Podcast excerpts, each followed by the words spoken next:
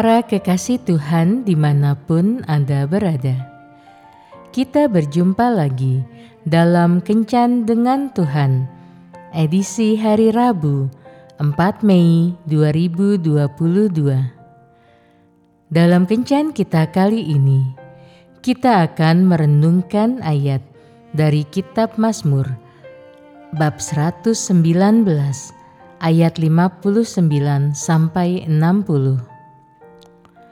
Aku memikirkan jalan-jalan hidupku dan melangkahkan kakiku menuju peringatan-peringatanmu. Aku bersegera dan tidak berlambat-lambat untuk berpegang pada perintah-perintahmu.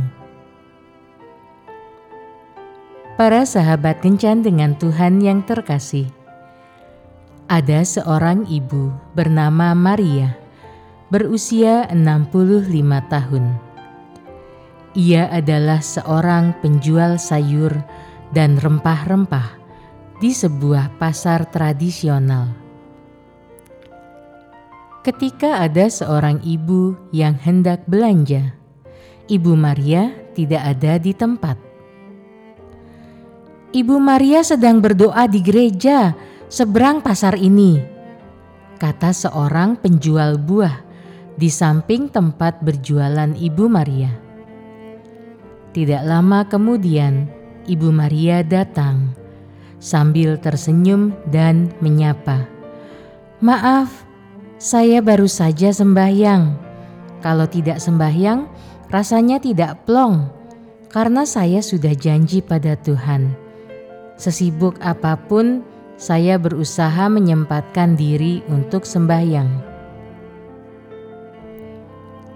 Sementara itu barang dagangan saya titipkan pada penjual buah di samping tempat saya ini. Ketika Yesus hidup di dunia ini, ia selalu meluangkan waktu pagi-pagi benar atau setelah melakukan tugas pelayanannya untuk berdoa kepada Bapaknya. Sebagai manusia, saat itu, Yesus memberikan contoh pada kita bahwa kita harus selalu mengandalkan Bapa di surga.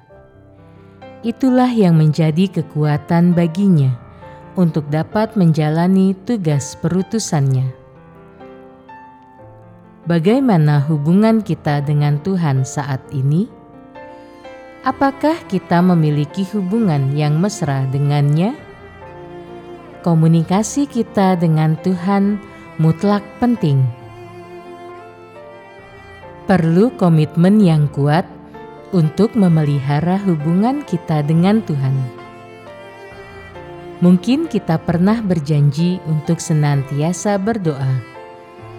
Apakah kita menepati janji itu? Hubungan kita dengan Tuhan haruslah kita utamakan di atas segala-galanya.